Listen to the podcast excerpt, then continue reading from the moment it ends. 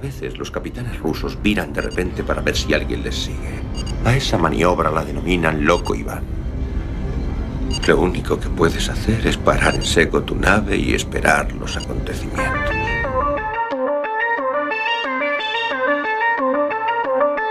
Galaxy 347 of Space Patrol calling unidentified ship.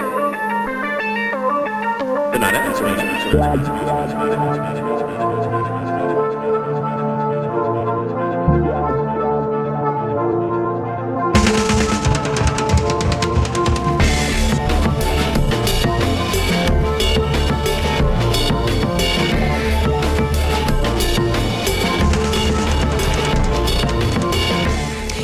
boa noite a todos e a todas. Prepárense para surcar con nós un benres máis os eh, mares máis oscuros e tenebrosos dos océanos da mente. Prepárense para unha hora no submarino nuclear máis interépido de toda a Unión Soviética. Hoxe nos dispoñemos a atravesar o Cabo de Fornos e a facernos un burato máis nas orellas. Bueno, quizáis non, pero o noso tema do día serán os e as piratas. Se non estiveramos nun submarino nucelar, dende logo estaríamos nun barco coa bandeira da calavera. Ademais de todo isto, teremos noticias, relatos piratas, falaremos cunha mestra da divulgación científica e contaremos con moita música.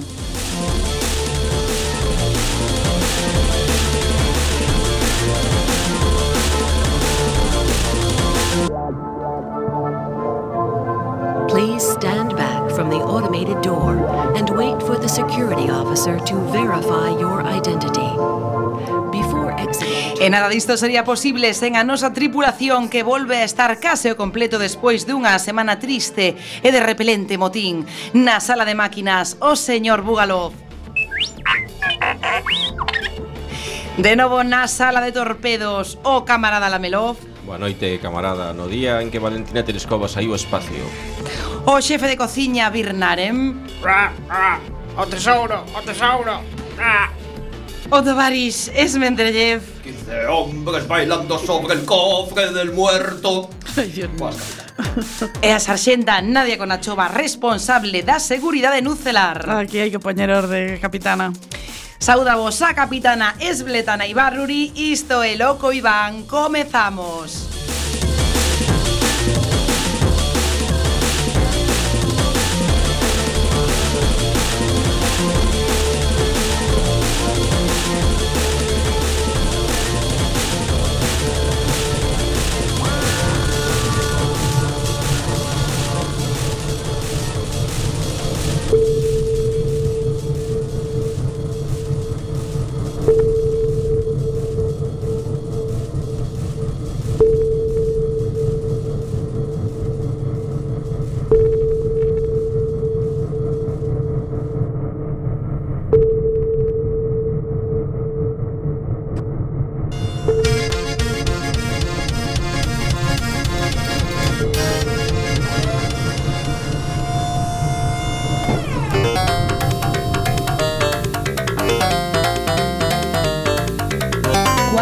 FM. Loco Iván. Periscopio. Iniciamos esta, este percorrido náutico coas noticias máis destacadas da semana Esas que os medios capitalistas non entenden Pode ser porque estean escritas en galego E como día portavoz popular no Concello da Coruña Son inintelixibles para a maioría da poboación Vamos a verlo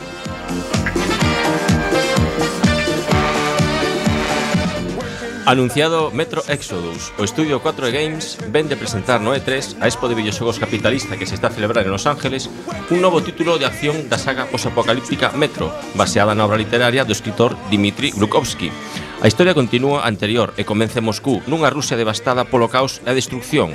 Interacción, exploración e opcións de ir interactuar co universo, posapocalíptico por suposto.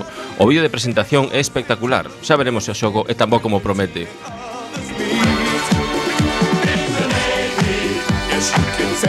Black Sat terá un videoxogo. O detective Gatuno, do cómic creado por Juanjo Guarnido e Juan Díaz Canales, será levado aos videoxogos por Péndulo Studios e Microids. Trátase dunha aventura gráfica que sairá en 2018 para PC e caixas de xoguete, e aínda non se coñecen máis detalles. Tendo en conta que o estudio español, español é autor da saga Runaway, O máis probable é que se xa dun estilo moi parecido. Agardamos con gañas esta obra. Os detectives gato son os mellores. They Gigamés publica Kirinyaga, É un dos libros de ciencia ficción mellor valorados dos últimos anos, unha fábula que trata sobre as contradiccións que hai nos ideais, como de poñer medallas a bonecas de madeira. Foi escrita no ano 1998 polo escritor Mike Resnick, e ten máis de 60 nominacións a premios internacionais, o cal tampouco quere dicir moito. A historia trata de Coriba, un mudumugu e guardián da colonización de Kirinyaga, un planeta bautizado na honra da montaña sagrada dos, Kiku, dos Kikuyús, e que baixo a supervisión do Consello Utópico alberga a utopía coa que soñaban as máis apegadas á cultura ancestral da sabana. Unha sociedade que recupera o estilo de vida Kikuyu previo á colonización europea.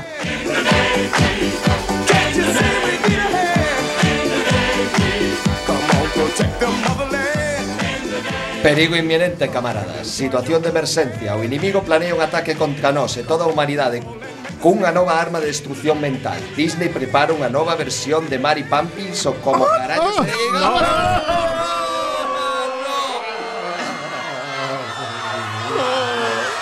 O Guinness. Temos que preparar un contraataque e artellar unha estrategia de protección, porque non estamos preparados para semellante desgracia. Tal vez unha serie coa biografía completa de Lenin e Koprokin en Cinemascope. Non pasarán. Non pasarán. Non pasarán. Mountain Blade 2 ensina cousas. O estudio turco, concretamente de Ankara, presentou varios vídeos da súa serie de videoxogos de loita medieval con elementos de rol que tanto gustou polo mundo adiante.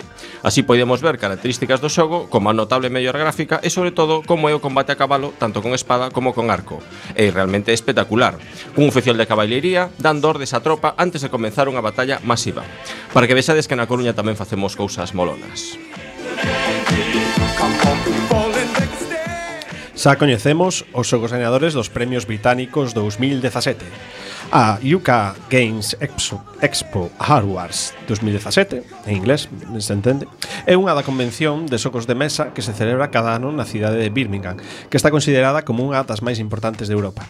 Acaban de dar a coñecer os xogos premiados eh, que foron para Subterra como mellor xogo de mesa europeo, Colonos como mellor xogo de estrategia, Aventuras na Terra Media como mellor xogo de rol e Drop Fleet Commander como mellores miniaturas.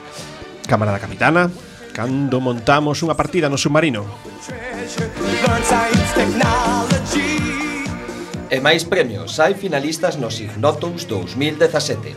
Como a cada ano, a Asociación Española de Fantasía, Ciencia Ficción e Terror anunciou as obras candidatas aos premios Ignotus, que nesta ocasión contan cunha nutrida presencia de escritoras. Xa sabedes, esta xente que vos chama polo Facebook para que lle votedes.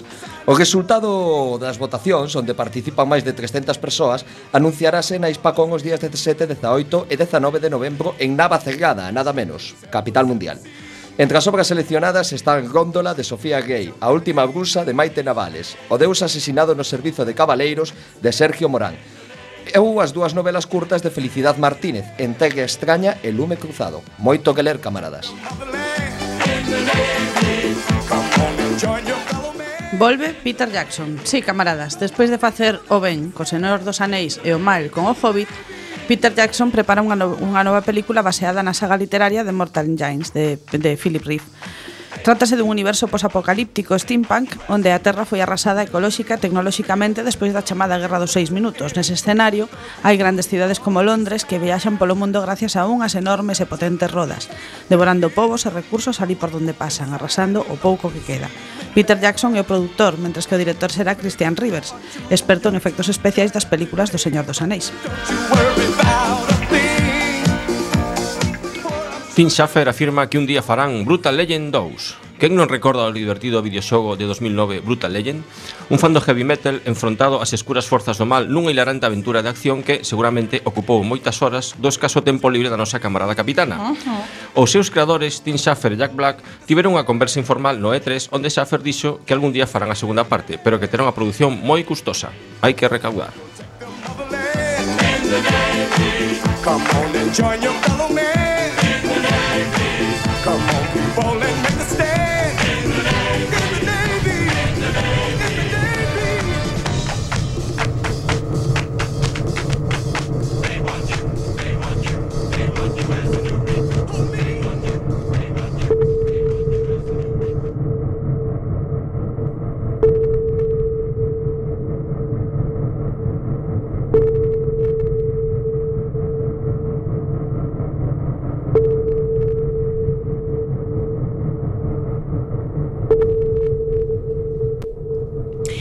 estas apasionantes novas temos que ir rapidamente a outra sala do noso submarino. Xa coñecen, é a sala de radio. Aí temos o señor Bugalov que creo que esta noite nos trae, por suposto, como non podía ser de outra forma, unha canción pirata. Pois sí, e non só unha canción pirata, senón incluso un grupo pirata. Eh, a ver, o que pasa é que pasa unha cousa cos piratas, xa se, xa nos decatamos agora agora nas novas. Ten, o sea, todo vencellado que os piratas ten uns nomes dificilísimos de pronunciar. Sí, sí verdad? sí. Claro. Eh, o, a, a banda de que imos falar hoxe eh, se chama Elstorm que é unha banda británica de folk metal pirata vale? O sea, que ten pirámide, eh, dinámica pirateira a cañón eh, son de Perth, Perth Australia non, Perth Escocia, ah. vale? A Perth original. O sea, Perth sen canguros free non é a Perth, a Perth que eh, a súa música caracterízase pola temática pirata e tamén mm, por las referencias a algúns contos da cultura popular eh, polo que les denominan a seu propio estilo auténtico metal pirata escocés pois está bárbaramente, non? Ah, bueno, eu tamén coñezo un grupo de auténtico metal pirata de Coristanco, pero... Como bueno. se chama? patacas Ah. Patacas novas. bueno, igual. patacas mariñas. Corremos, corremos un, un tupi... patacas tortas, non? Eh, pasemos un tupido velo. Debutaron na escena musical esta xente baixo o nome de Battle Heart en 2004, pero despareceu unha sobredose, claro. unha sobredose de Orterez, entón pasaron a, a Ailstorm. Eh, esa con nome de Ailstorm debutaron co seu primeiro álbum o 25 de xaneiro de 2008. O tema de hoxe que se chama Kill Hold Ajá. Eh, eh, mm. Fala de tradicións, loitas, amizades, violencia e alcohol. Vamos, todo necesario para facer unha boa canción de piratas. Eh, Imos coa abordaxe logo se se deixa.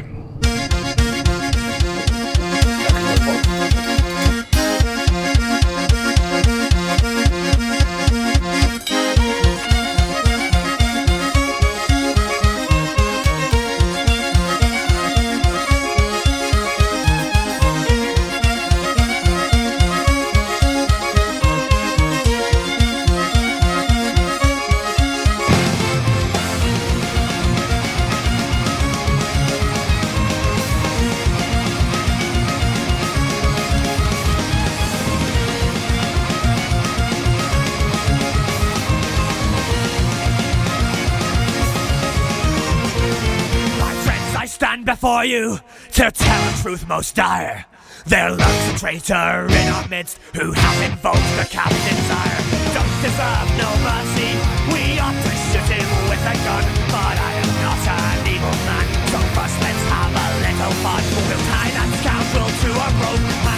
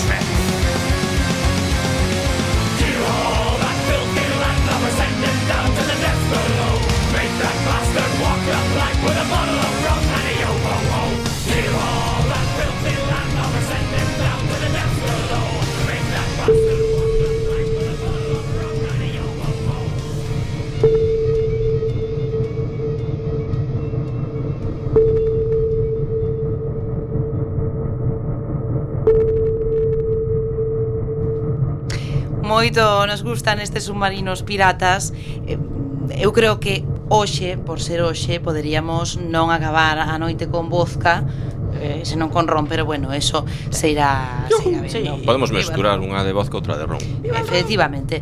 Eh, por eso tamén nos temos que ir á nosa biblioteca a ver que libro vamos a escoller.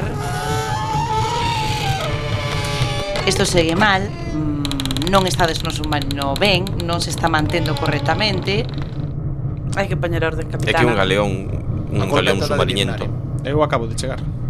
Bueno, Efectivamente, colleremos un libro azar, como sempre sabedes, e curiosamente eh, así escollido azar, pois é de piratas.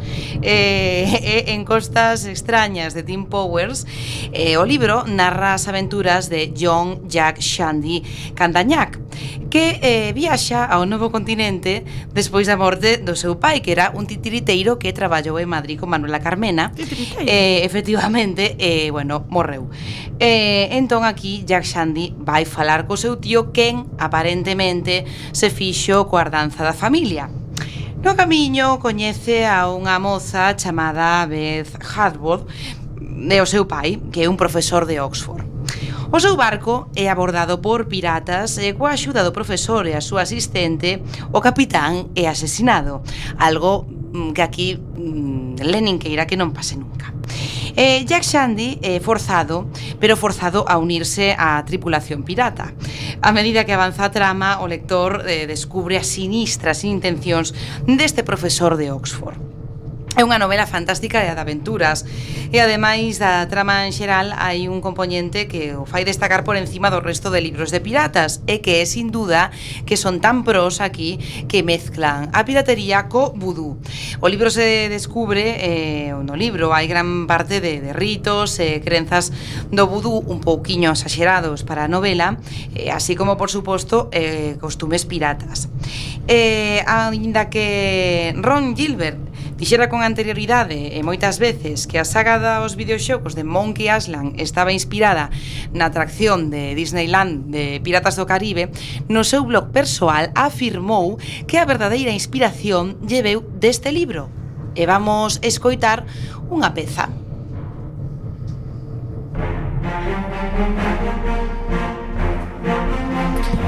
Urwood alzó el machete que llevaba en la mano izquierda, su única mano, y, escudriñó tran- intranquilo la oscuridad que parecía remolinarse tras la vegetación, iluminada por la antorcha que le rodeaba por todas partes, porque las historias que había oído sobre caníbales y serpientes gigantes parecían ahora más que plausibles. Y pese a sus recientes experiencias, era difícil confiar plenamente en la seguridad que le proporcionaba la colección de rabos de buey, bolsitas de tela y estatuillas que colgaban del cinturón del otro hombre. En aquel bosque primaveral no servía de mucho llamar los gardes, arrets y drogues en vez de fetiches, ni calificar a su compañero de, bo- de- bocor en vez de considerarlo brujo o chamán. El hombre negro hizo un movimiento con la antorcha y volvió la vista hacia él. Now to the left. Dijo cuidadosamente en inglés para luego añadir en uno de los deteriorados dialectos franceses de Haití. Y vigila donde pisas. El sendero está cortado por pequeños arroyos. Entonces camina más despacio para que vea dónde pones los pies. le replicó Hurwood, irritado en su francés académico. Se preguntó cuánto había sufrido su acento, hasta entonces perfecto, tras la exposición de un mes de tantas variaciones extrañas del idioma. El sendero se hacía más empinado, y pronto tuvo que guardar el machete en su funda a fin de tener libre la mano y así agarrarse a las ramas para ayudarse a avanzar. Durante un rato, el corazón le latió de manera tan alarmante que pensó que iba a reventar, pese a la droga protectora que le había dado el hombre negro. En aquel momento llegaron a un lugar situado por encima del nivel de la selva circundante. La brisa marina los acarició y llamó a su compañero para que se detuviera y le permitiera recuperar el aliento, mientras disfrutaba del viento fresco en el pelo blanco y la camisa empapados. La brisa silbaba entre las palmeras de abajo, y a través de un resquicio entre los troncos que le rodeaban alcanzó ver agua, un segmento iluminado por la luna del río Lengua del Océano, por el que habían navegado de- desde la isla Nueva Providencia aquella misma tarde. Recordó haber advertido la prominencia donde se encontraban ahora y haberse preguntado qué era, mientras trataba de mantener la vela tensa siguiendo las malhumoradas órdenes de su guía.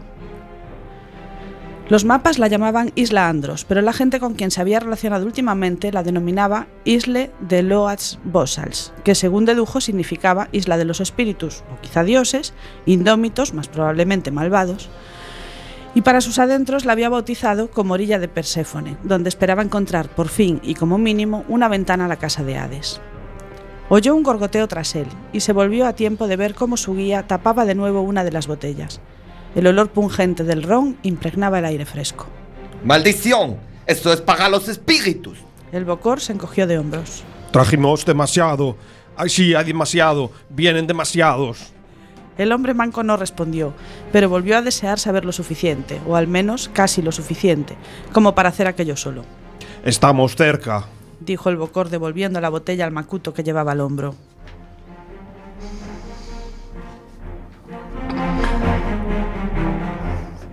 Reanudaron la marcha rápida por el sendero de tierra húmeda, pero Hurwood notaba ahora una diferencia, algo les estaba prestando atención. El hombre negro también lo advirtió y le sonrió por encima del hombro, dejando al descubierto unas encías casi tan blancas como los dientes. Huelen el ron. Seguro que no son sencillamente esos pobres indios. El guía le respondió sin ni siquiera mirar atrás. Siguen durmiendo. Lo que sientes que nos vigila son los loas. Aunque sabía que aún no podía ver nada fuera de lo corriente, el hombre manco miró a su alrededor y pensó por primera vez que, en realidad, no era un emplazamiento tan incongruente. Aquellas palmeras, aquella brisa marina, no eran tan diferentes de las, de las del Mediterráneo, y aquella isla del Caribe bien podía ser muy parecida a la isla donde hacía miles de años Ulises hizo exactamente lo que ellos se proponían hacer esa noche. Solo cuando llegaron al claro, en la cima de la colina, se dio cuenta de que no dejaría de tener miedo. No había nada de siniestro en aquella escena. Un claro de tierra aplanada, con una choza a un lado, y en el centro, cuatro postes que sostenían una techumbre de paja sobre una caja de madera. Pero Urwood sabía que en la choza había dos indios arawak drogados y una zanja de metro ochenta forrada de hule al otro lado del pequeño refugio. El hombre negro se dirigió hacia la caja resguardada, el trone o altar, y con sumo cuidado soltó algunas de las estatuillas que llevaba prendidas del cinturón y las colocó sobre ella. Hizo una reverencia, retrocedió y luego se irguió y se volvió hacia el otro hombre. ¿Sabes qué viene ahora? Urwood sabía que era una prueba. Y la harina en torno a la zanja. Lo dijo tratando de parecer seguro. Oh. Oh. Oh.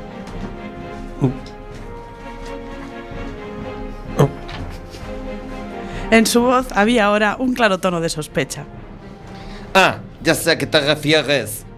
Creí que eso se daba por supuesto. ¿Qué demonios quería decir el hombre? ¿Qué había hecho Ulises? No, al menos nada que él recordase, pero claro, Ulises vivió en tiempos en que la magia era fácil y relativamente pura. Eso debía de ser. Quizá hiciera falta un procedimiento de protección para mantener a raya a los monstruos que pudieran verse atraídos por sus maniobras. ¿Te refieres a las medidas de seguridad? ¿En qué consisten? Cuando la magia fuerte aún funcionaba en el hemisferio oriental, ¿qué medidas de seguridad se habían utilizado? Las macas en el suelo. El hombre negro asintió más tranquilo. Sí, los Weber. Con cuidado dejó la antorcha en el suelo y rebuscó dentro de su macuto para sacar una bolsita, de la que extrajo un pellizco de ceniza gris. La llamamos harina de Guinea. Después se acuclilló y empezó a repartir la ceniza sobre la tierra, formando complicados dibujos geométricos.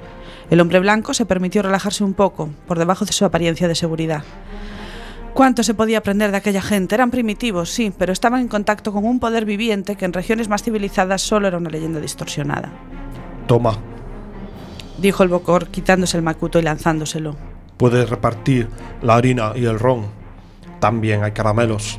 A los oas les gusta un poco dulce. Urbud llevó la bolsa hacia la zanja. Su sombra proyectada por la antorcha se extendía hasta el muro de hojas que rodeaba el claro y la dejó caer en el suelo. Luego cogió la botella de ron, la descorchó con los dientes y se irguió para caminar lentamente en torno a la zanja, derramando el licor aromático sobre la tierra. Cuando hubo completado la vuelta, aún quedaba un trago en la botella y se lo bebió antes de arrojarla a lo lejos. En la bolsa también había caramelos y saquitos de harina y los dejó caer alrededor de la zanja. Incómodamente consciente de que sus movimientos eran como los de un agricultor sembrando y regando un surco. Un chirrido metálico le hizo volverse hacia la choza, y el espectáculo que avanzaba hacia él desde el otro lado del claro, era el bocor empujando con esfuerzo una carretilla sobre la que había dos cuerpos de piel oscura inconscientes, le causó tanto horror como esperanza. Por un momento deseó que no hiciera falta sangre humana que bastara con sangre de oveja, como en los tiempos de Ulises, pero apretó las mandíbulas y ayudó al bocor a descargar los cuerpos en el suelo, de manera que las cabezas quedaron convenientemente cerca de la zanja. El bocor tenía un cuchillito de mondar y se lo tendió al hombre blanco, al hombre manco. ¿Quieres hacerlo tú? Urbud meneó la cabeza. ¡Todos tuyos! Apartó la vista y la clavó en la llama de la antorcha, mientras el negro se acuclillaba junto a los cuerpos. Cuando unos momentos más tarde oyó el goteo sobre el hule de la zanja, cerró los ojos. Ahora las palabras. Empezó a entonar su salmodia en un dialecto que combinaba los idiomas de Francia, de la comorca mondongo africana y de los indios del Caribe, mientras el hombre blanco, con los ojos aún cerrados, cantaba en hebreo antiguo. El extraordinario cántico combinado fue creciendo en intensidad, como si tratara de ahogar los ruidos que ahora surgían de la selva. Sonidos como de risas y llantos ahogados, crujidos cautelosos en las ramas más altas y un extraño ruido como dos camisas de serpiente frotadas una contra otra. De pronto, las dos letanías se hicieron idénticas y los dos hombres hablaron perfectamente al unísono, sílaba a sílaba, aunque el blanco seguía expresándose en hebreo antiguo y el negro en su peculiar mezcla de idiomas. Atónito, pese a estar participando, Urbud sintió los primeros estremecimientos del verdadero asombro ante aquella coincidencia prolongada hasta lo imposible. Por encima de los pungentes vapores del ron vertido y el olor a óxido de la sangre, le llegó de repente un aroma nuevo, el aroma de metal caliente de la magia, mucho más fuerte de lo que nunca lo habría sentido.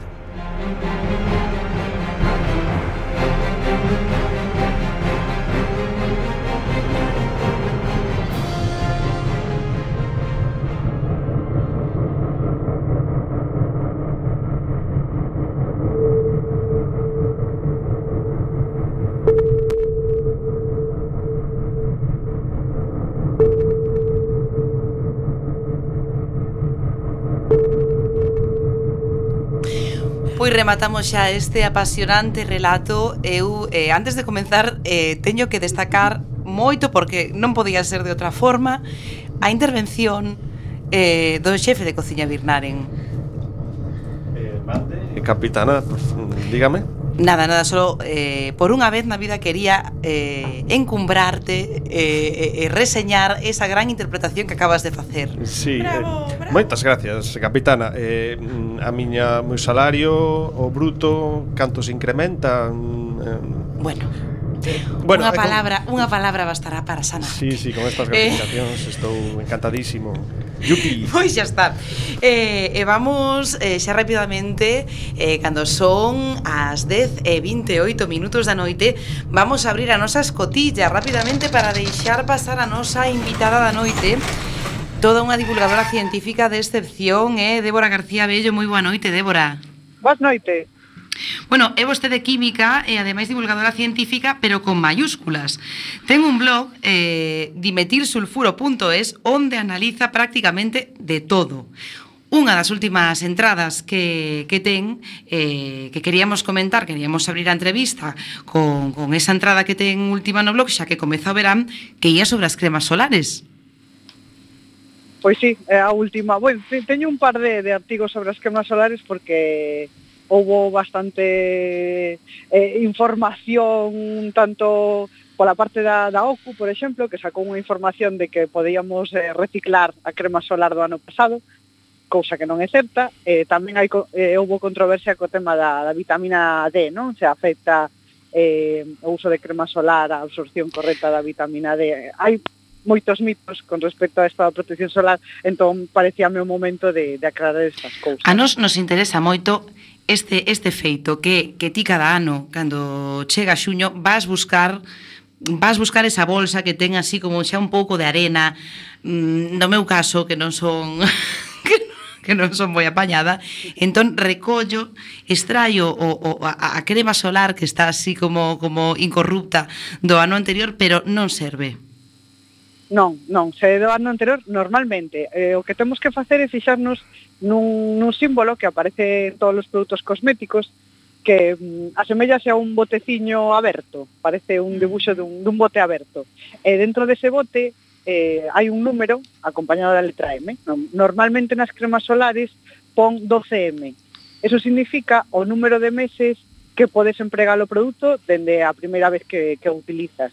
Vaya. e que siga sendo efectivo e seguro. Ups. Entón, o que tens que facer é eh, revisar que a túa crema solar, pois se é 12M, pois non a podes eh, reutilizar. E a maioría das cremas solares son 12M. As hai que duran máis, e de feito hai, hai cremas que son en aerosol que duran máis de 12M, por eso o o que o que o que o que deberíamos facer aconsellable é fixarnos nese, nese símbolo. E claro, o da crema solar é como moi fácil, ¿no? Porque dun verano a outro normalmente cando as utilizamos. Ola, bueno, e te quero facer unha preguntiña porque teño curiosidade polo tema das microbets, esta especie de, de boliñas de plástico que din que van en moitos en moitos cosméticos. Non sei se tamén pasa aquí ou en as, eh, nas cremas solares ou outro tipo de, pues, de geles ou algo así, ou aquí non, non hai aínda. Non, nas cremas solares non. A ver, os microplásticos eh, empréganse en produtos exfoliantes en pasta de dentes tamén, pero son produtos que, que sexan abrasivos, son produtos de limpeza. Entón non, non, non vas a encontrar microplásticos nun, nun solar porque non teñen sentido, o sea, non servirían para nada. Entón, eso, os tes eh, en algúns eh, esfoliantes, pero bueno, en realidad a tendencia de mercado é, é que desaparezan, porque cando, cando comprobamos que realmente teñen impacto medioambiental, porque mm. claro, tú cando, cando empregas, ti cando empregas un, un esfoliante, vaise polo desagüe. Eh, claro, esas boliñas acaban no mar, porque nin, ninguna, o sea, incluso nas plantas de tratamento de aguas residuais non filtra, non, ten, non teñen filtros tan finos como para como para que non cheguen ao mar. Entonces acaban chegando ao mar e sabemos que que teñen impacto, que acumulanse pues, como calquer plástico que chega ao mar.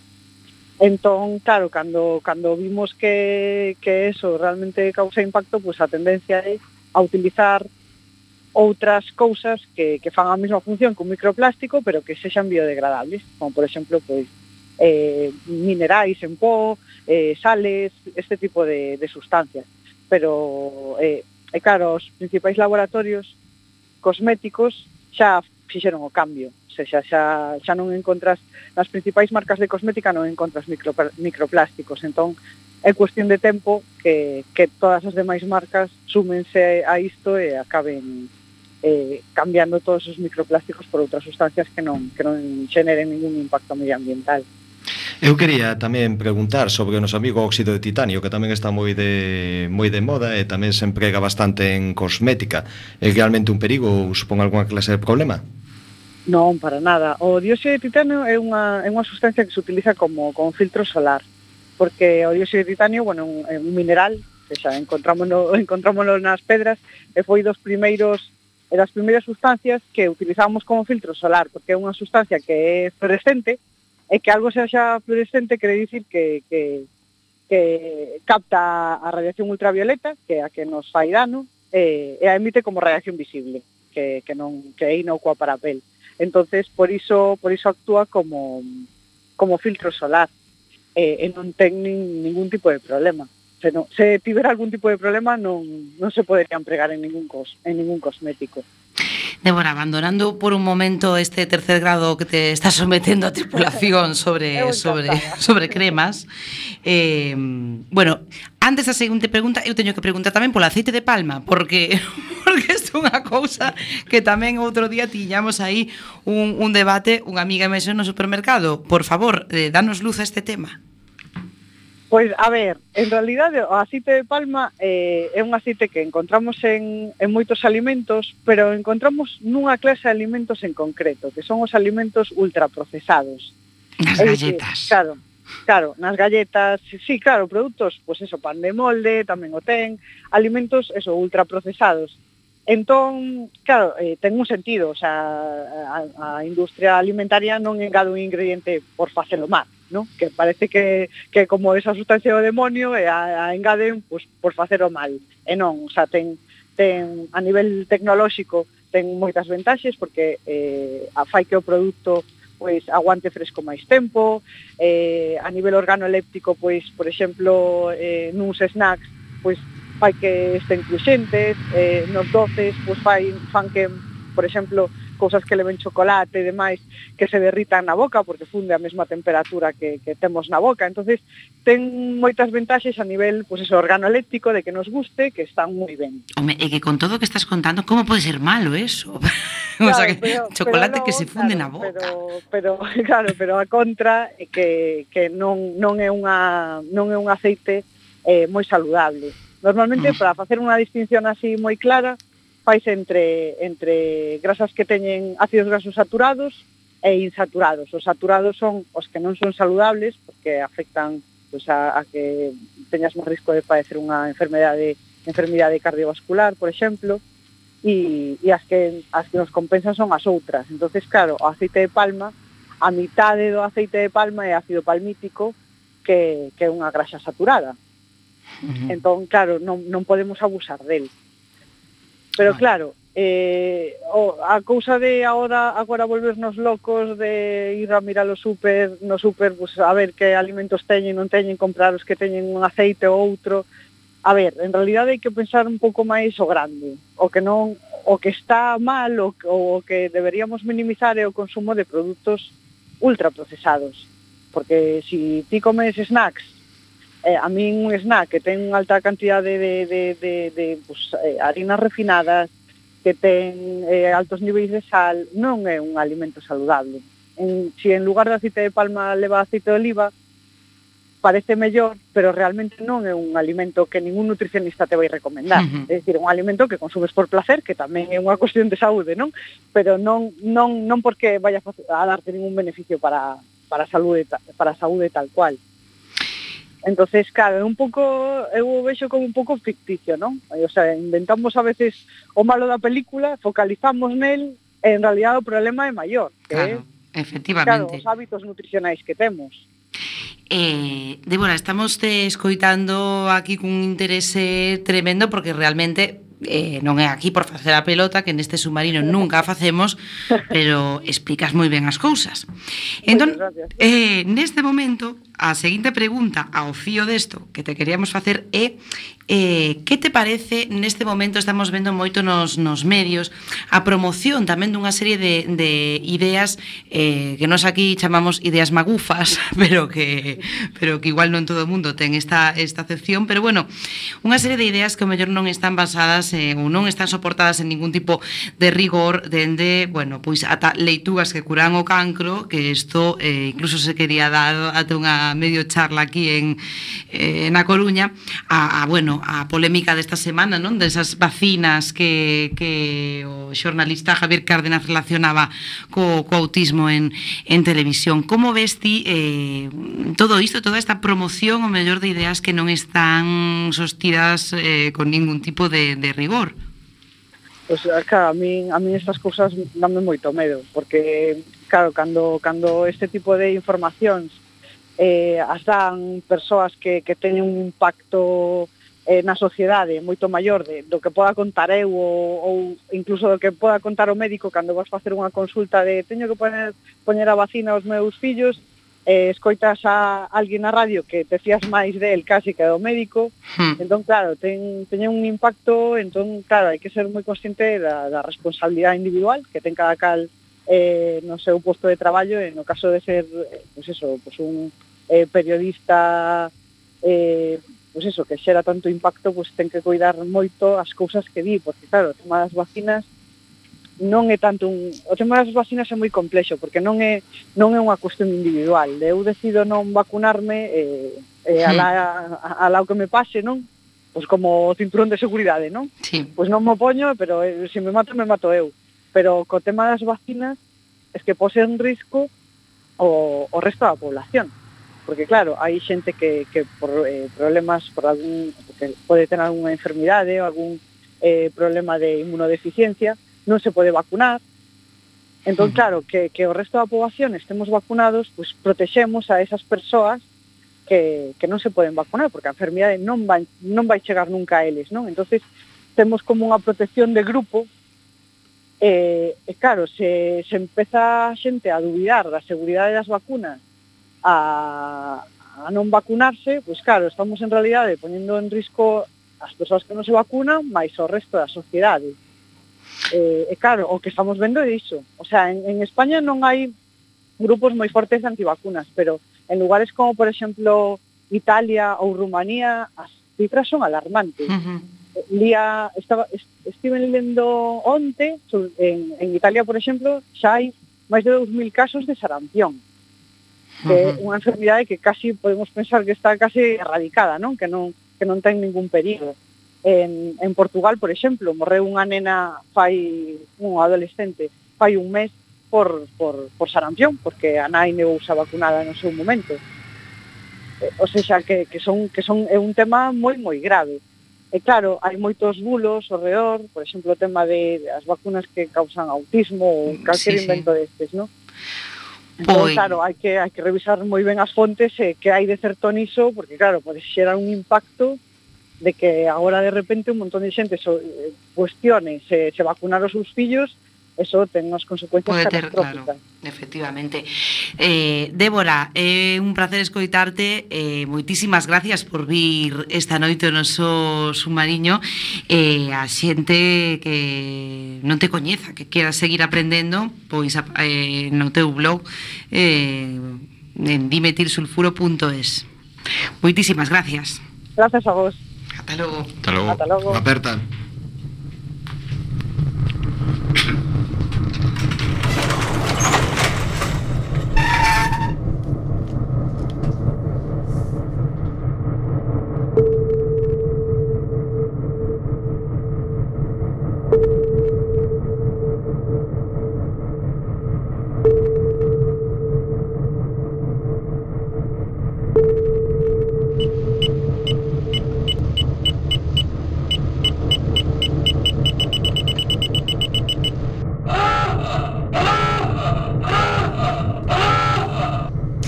10.41 minutos da noite, que interesante estivo esa entrevista con Débora García Bello, pero vamos seguir profundizando sobre o tema do día, que eh, non trataba sobre aceite de palma, non trataba sobre as cremas solares caducadas, senón que era o tema eh, do día eran os piratas. Eh, o xefe de cociña Birnaren creo que sabe moito deles. Sí, por aquí estamos eh, para falar de tres cuestións aquí moi interesantes. E a primeira pode que vos soe a música introductoria, non sei se a ten preparada para aí.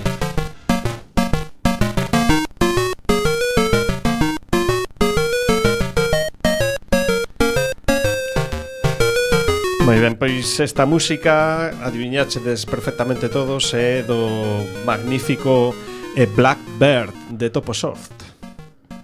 Nin idea. No. Mm. Vale. Eu de videoxogos non controlo. Bueno, pois pues, no, dámelo non. Bueno, pois pues este era un xogo de 1988, non? Que queda aí ao lado de, da compañía española Toposoft, da, das pertencentes a que se chamou Idade de Oro do software español. E, e bueno, en este caso tivemos que poñer a versión Amstrad para sacar unha musiquiña introductoria. Sacar a versión Spectrum, que sempre a mellor, pois non tiña. E, o xogo vai dun tal barba negra que se emborracha e perde o mapa do tesouro. E, e bueno, e, a causa de barba vermella, que, que é un nome moi bonito, que que pon a súa tripulación en contra e, bueno, en realidade, pois é un bichiño que vista aérea vai, vai avanzando pola pantalla cargándose o resto de piratas e intentando pois recuperar o mapa do tesouro. Ben, un xogo normal, pero que é de piratas? Por eso teña que estar aquí, claro. Efectivamente. E isto creo que xa vos soará máis.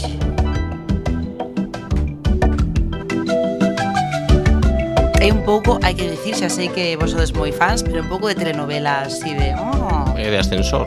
Sí. E esta, esta música é realmente... De pedo silencioso. Sí, sí. rollito peruano. Estás en el... Ascensor unha telenovela. Sí, claro, a mí me soa un pouco ascensor... me soa un pouco a dentista, pero como teño Tamén. tan bons recordos de, de, desta música e deste xogo, non estamos a falar, bueno, avanzamos dous anos, non, pero damos un salto gigantesco, non, porque este xogo xa é un salto de calidade eh, impresionante e ademais que está feito para PC, non? Para PC, para Amiga, para Atari. The Secret of the Monkey Island unha aventura gráfica pois que non inventou nada en aquela época porque xa saíran outras anteriormente como pois os King Quest, Maniac Mansion, o Loom pero que en realidade eleva pois eh, eleva moito a calidade de, das aventuras gráficas e unha das que máis recordamos de cando éramos pequenos. Eh, catro disquetes de 3,5 pulgadas, recordade os disquetes de 3,5, eu recordo ben como facían o ruidiño aí a metelos e... E os de 5 un cuarto, algúns. Os de 5 un cuarto, efectivamente Pero bueno, este xa estaba máis modernizado Era de 3 e medio. Uns magníficos gráficos Sega a 16 cores Que xa era impresionante. Logo fixeron unha versión a 256 Que, que moi ben. Bueno, en fin, pequenos detalles. Eh, Esta, eh, pois a historia trata de, de un fulano Un, un home Que, que se chama Guy Bruce Thripwood que era certo que os nomes de piratas eh, ás veces son un pouco complicados de decir. Hmm. E que ten a brillante idea de querer ser pirata, eh, como se si non houvese outras cosas que facer. E, e bueno, eh, pois eh, como ser pirata está chupado, pois aparece tamén un pirata fantasma por aí polo povo. E, eh, se complica todo bastante. A verdade é que o xogo é bastante entretido, ten un montón de toques humorísticos. E bueno, mm, tamén destacar que hai quen di que, que, a, que a saga de Piratas do, do Caribe pois tamén estaba certamente inspirada en este xogo. Unha obra mestra. O xogo, non, a película. A película non, a película, pero bueno. Non, xogo. A película caca, de feito, non vamos a falar dela. Non. E seguimos agora cunha serie. Unha serie de piratas feros. A música está moi ben. Como podes escoitar.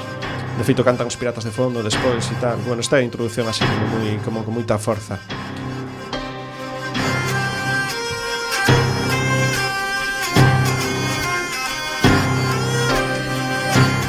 Ben, pois esta serie da que estamos falando se chama Black Sails, eh, producida entre 2014 e 2017, eh, con catro tempadas as súas costas, É que narra a historia dun aguerrido grupo de piratas eh, e toda, pois, toda a xente que vive ao redor na illa de Providencia mm, a partir dos anos 1715, non? É unha narración fantástica, pero bueno, que bueno, eh, adopta dentro do que é eh, pois a historia fantástica inventada, pois mm, personaxes que pertencen a libros como A Illa do Tesouro, como personaxes que eran piratas reais, non? Eh, como, bueno, o Capitán Flint, Eleanor Guthrie, eh, Long John Simbler, que este vos soará, eh, Max, Jack Rackham, que este era un pirata de verdade, eh, Anne Bowie, eh, Boots Rogers ou o magnífico pirata Barba Negra. Que, que bueno, que ten que, bueno, ten unha historia curta pero moi interesante dentro da serie. Eh, a serie visualmente Estás unha... facendo, o sea, fixeches spoiler incluso da incluso da música anteriormente e tamén de toda a serie, non pode ser isto. Sí, o final a serie, o final das catro tempadas remata pois cando Bueno, eh, seguimos eh, comentando un poquillo. Eh, a serie, pois como decía, visualmente é unha maravilla. De feito, hai barcos piratas construídos en Sudáfrica que nos que empregaron máis de 300 traballadores para para crear ese escenario. Escravizados cruelmente, ti eres comunista, pois, non pode ser isto. Dubido, dubido, pero pero bueno, no, tiñan todos, creo que os pagaba eh, Ortega e estaba todo en regla Ortega Cano. Eu non digo Ortega, un Ortega. Eh E destacan, pois eso, todo todas esas imaxes, olor a salitre, sí, tamén, non me Ortega Cano se dedica a contratar xente ás veces. E, eh, bueno, por non desviar o tema... pois... Bueno, é que dicir que houbo unha serie española malísima, que non me acordo agora o nome, eh, que un pouco estaba basada nesta Black Sails, o que pasa que era tan tan tan mala que creo que durou unha, un capítulo, non unha temporada ni sequera. Pois eh, non tiven a oportunidade de verla. Pois me acordo que, que saía sa, en Telecinco, creo. Bueno, se, se non bichedes Black Sails, é eh, obrigadísimo eh, ver as catro temporadas. Bueno,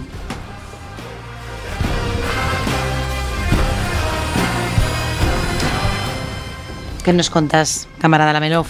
Cousas aburridas, como sempre Porque, bueno, o tema piratil dá para facer o programas enteiros Pero eu xa sabedes que sempre ando por cousas así rarunas Que non lle interesan a ninguén ¡Compañeros!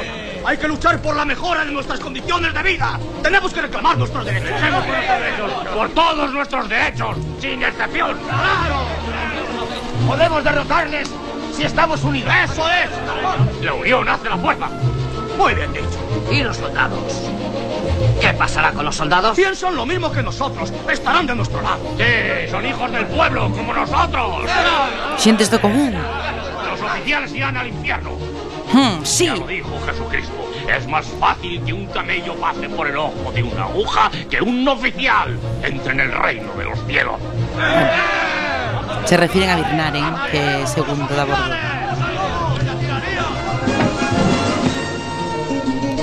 Ben, era a tripulación da película Piratas de, de Roman Polanski que estaban organizando un motín, como ten que ser, a xente proletaria que está esclavizada ten que loitar polos, polos seus dereitos ali onde sexa. A non ser que se encontren ben como aquí no submarino, claro, que no, estades aquí todos... estamos perfectamente claro. porque un sistema comunista onde todos vivimos nunhas claro. condicións de vida enmexables polo resto claro. do mundo.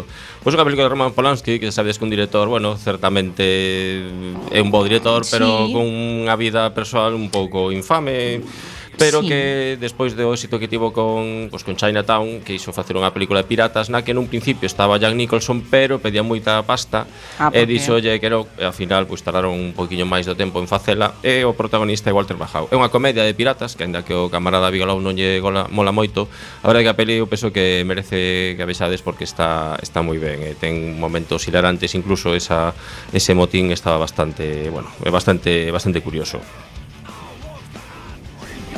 Our land was dying. We had little defense against their might. And now, time is running out. Bueno, en videoxogos tamén hai cousiñas de piratas. Este é un videoxogo de rol de, pues, da compañía Piranha Bytes Que é eh, Dark Waters, perdón, eh, Ryzen 2 eh, Dark Waters Que, de, bueno, continúa a serie eh, Ryzen. Videoxogos de rol bastante pues, interactivos co escenario Con moitas posibilidades de exploración E que están bastante ben, aínda que este tivera un, algún que outro fallo fallo técnico Que, que tivera pues, pois, problemas ao comenzo E tivera malas críticas por el ao comenzo Pero que o videoxogo logo é bastante profundo E con unha historia pues, interesante, unha unha boa ambientación e todo basado nunha historia de piratas e de misterios e de seres pois mm, eh, super misteriosos e, e fantásticos e, en fin, que mola que, que os xogueres. E outro clasicazo, o Piratas de Sid Meier, que saiu primeiramente no ano 1987 e logo tivo unha reedición no ano eh, 2000, 2004, xa modernizada e que pois levaba, pois digamos a tecnoloxía máis ou menos deste século, pois os, os gráficos non un poquillo desfasados daquela daquela época. Un xogo moi completo onde podías eso, facer tácticas, eh, explorar, incluso bailar, bailar coas fillas dos gobernadores, un clasicazo tamén. Pois moitas gracias, camarada Lamelov. Nos vamos rapidamente porque nos queda xa moi pouquiño tempo de programa, pero temos que facer un repaso tamén á literatura pirata. Bueno, pois facer un repaso en tan pouquiño tempo é complicado, así que vou bueno. pasar de Espronceda e de Stevenson e vou recomendar unha sola novela na que aparecen uns piratas moi interesantes. E, concretamente estou falando da saga de Vaslach de China Mieville. China Mieville é un home coñecido polo seu primeiro libro de Vaslach, sobre todo a estación de Rúa Perdido, pero que na segunda de serie, na cicatriz, aparece unha cidade flotante que se chama precisamente Armada, E, bueno, pois a historia comeza cos tripulantes dun barco de dunha cidade gótica tipo londinense no que existe a masia, no que existe a, te, a tecnoloxía steampunk. Este barco é asaltado e a protagonista, Belis Gelvino, xunto co resto dos, dos tripulantes, lingüista, eh, non será pasado coitelo cos seus compañeiros, senón que os obrigarán a ser piratas dentro desa poboación da Armada, non? É unha cidade flotante que se enfrenta ás outras cidades que están que están en terra e que surca os mares vai somando dos amantes, dúas personaxes moi interesantes que unha parella resente e repelente que atopa un extraño prazer en infringirse heridas con coitelos e que, buf, é moi descriptivo neste aspecto así un pouco daquela maneira. Hai de todo nesta cidade flotante de piratas, teñen un inimigo estes amantes que é o Brucolaco, que ten un exército de vampiros piratas mariños, poderíamos chamarlles vampiratas.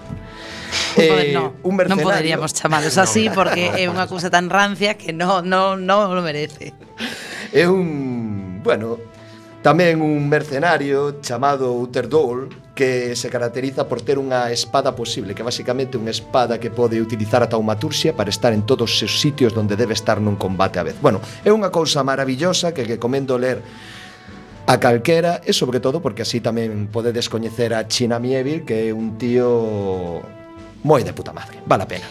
Entón, recomendamos a cicatriz de China Mieville. Exactamente, ou toda a crónica de Bas Lag. Está moi ben, son tres libriños. Estación de la calle perdido, A cicatriz e O trono de ferro. O trono de ferro, que ben, non me suena de nada. Bueno, pois... O consello de ferro, perdón. Ah. Ese se me está vindo, a... o trono de ferro é outro. E os gunis. E os Goonies, por que non, non, non falamos hoxe dos Goonies? E mira que, que a Tobarís Beosca nos dixo que tiñamos que falar dos Goonies. Sae un barco pirata nos Goonies, efectivamente. Efectivamente, un barco pirata, bueno, pois pues nada. Ah, e falabas de spoilers. Eh? E unha nai. Ai, é unha cousa que, que nos temos que acordar que queda un minuto que mañá en na Coruña que dixemos, hai que dicilo, hai que dicilo, eh, eh, a camarada Conachova, que era a responsable de dicilo, non está. Pois que mañá temos a festa no Campo da Leña a partir das 8 do orgullo, porque Coruña é unha cidade orgullosa. E aí temos Orgullo de 2017 que para que vos dea tempo se queredes ir a Madrid o facemos en Coruña unha semana antes. E está xente da campa tamén. E está xente da campa tamén, nos xardís de Méndez Núñez. Por qué? Porque somos unha cidade orgullosa, pero tamén somos unha cidade acolledora. Toma aí eh, beneficio político. Ah, e eh, agora, eh, a esta hora, xa sabedes que nos despedimos, que vamos brindar con vodka, pero tamén con ron, porque hoxe falamos de piratas, que sexades moi, moi, moi felices, porque merecedes todas, e que nos vemos o venres que ven a mesma hora, ás 10, aquí en Cuac FM.